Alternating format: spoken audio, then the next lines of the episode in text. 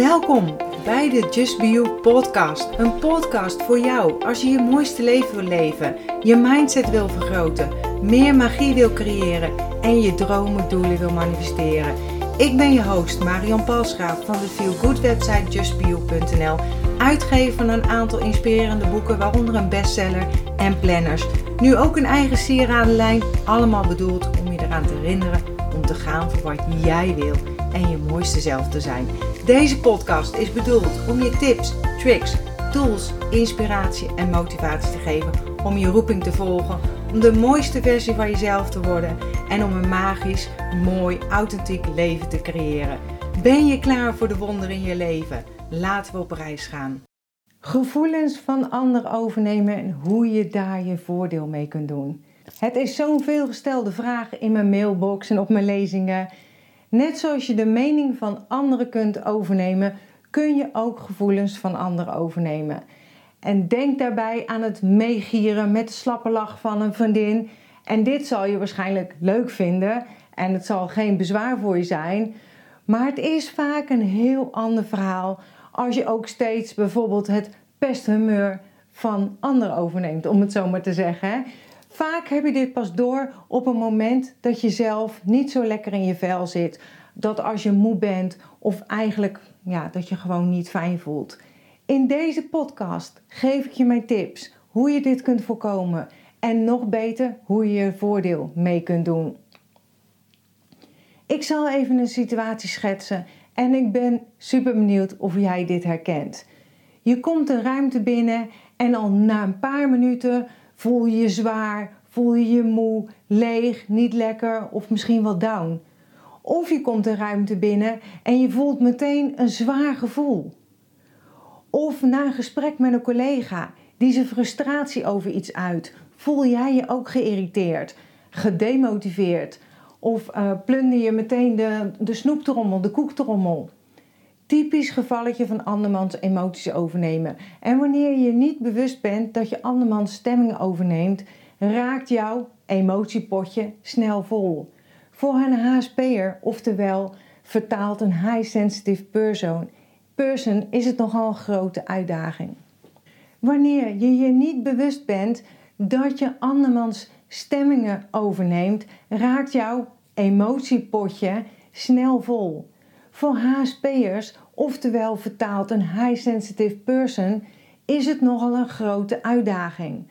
Omdat bij mensen die hoogsensitief zijn, alle prikkels even hard binnenkomen, ongefilterd, ongecensureerd. Dus ook de gevoelens en emoties van anderen. Voor iedereen geldt dat de emoties die je uit je omgeving oppikt, voelen alsof ze van jou zijn. En wat voor jou is en wat bij de ander hoort, is daardoor gewoon lastig te onderscheiden. En gelukkig zijn er trucs voor hoe je dit onderscheid kunt maken. Weet dat zodra een opmerking een gevoelige snaar raakt, heeft de ander beet en daarmee geef je jou ja, kracht en energie weg. En wat je kunt doen is je emoties toetsen. Er zit namelijk nogal een heel belangrijk verschil in emotie van een ander voelen en de emotie van een ander overnemen. Wanneer je met iemand meeleeft, ben je begaan en kun je invoelen wat de ander doormaakt. En het voordeel hiervan is dat het je extra informatie over de ander geeft. En wanneer je de stemming overneemt, heb je het te veel tot je genomen en zit jij ermee opgescheept. Om het zo maar even te zeggen.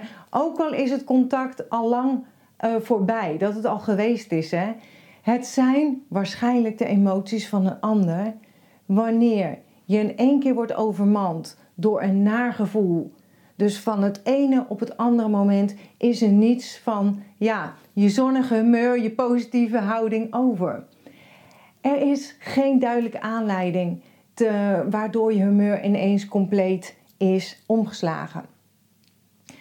Je geen gedachten hebt bij het zware gevoel bijvoorbeeld. Je emoties worden getriggerd door je eigen negatieve gedachten en belemmerende overtuigingen.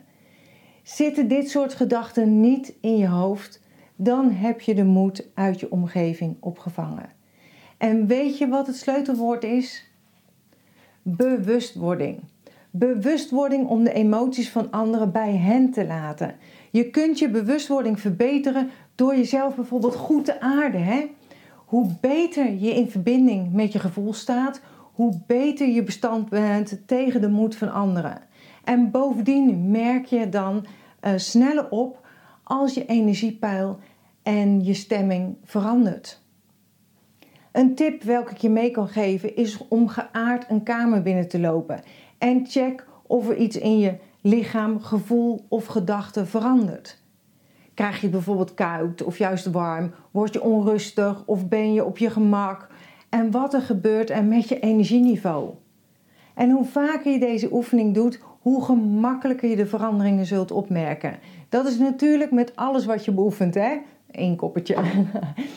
Het voordeel daarvan is dat je sneller kunt ingrijpen, waardoor je de stemmingen waarschijnlijk minder snel of misschien helemaal niet overneemt. En zelf heb ik dit keer gehad met vrienden waar we op visite zitten. Ik kwam bij hun binnen en ik voelde een heel zwaar zwart gevoel in mijn buik. Ik voel het altijd in mijn buik. Ik vroeg aan mijn vriendin of er iets gaande was. En door deze vraag te stellen wilde ik checken of ik het mijn gevoel was, of ik het juist had. En het bleek dat zij vlak daarvoor dat wij aankwamen ruzie hadden gehad, wat nog niet over was.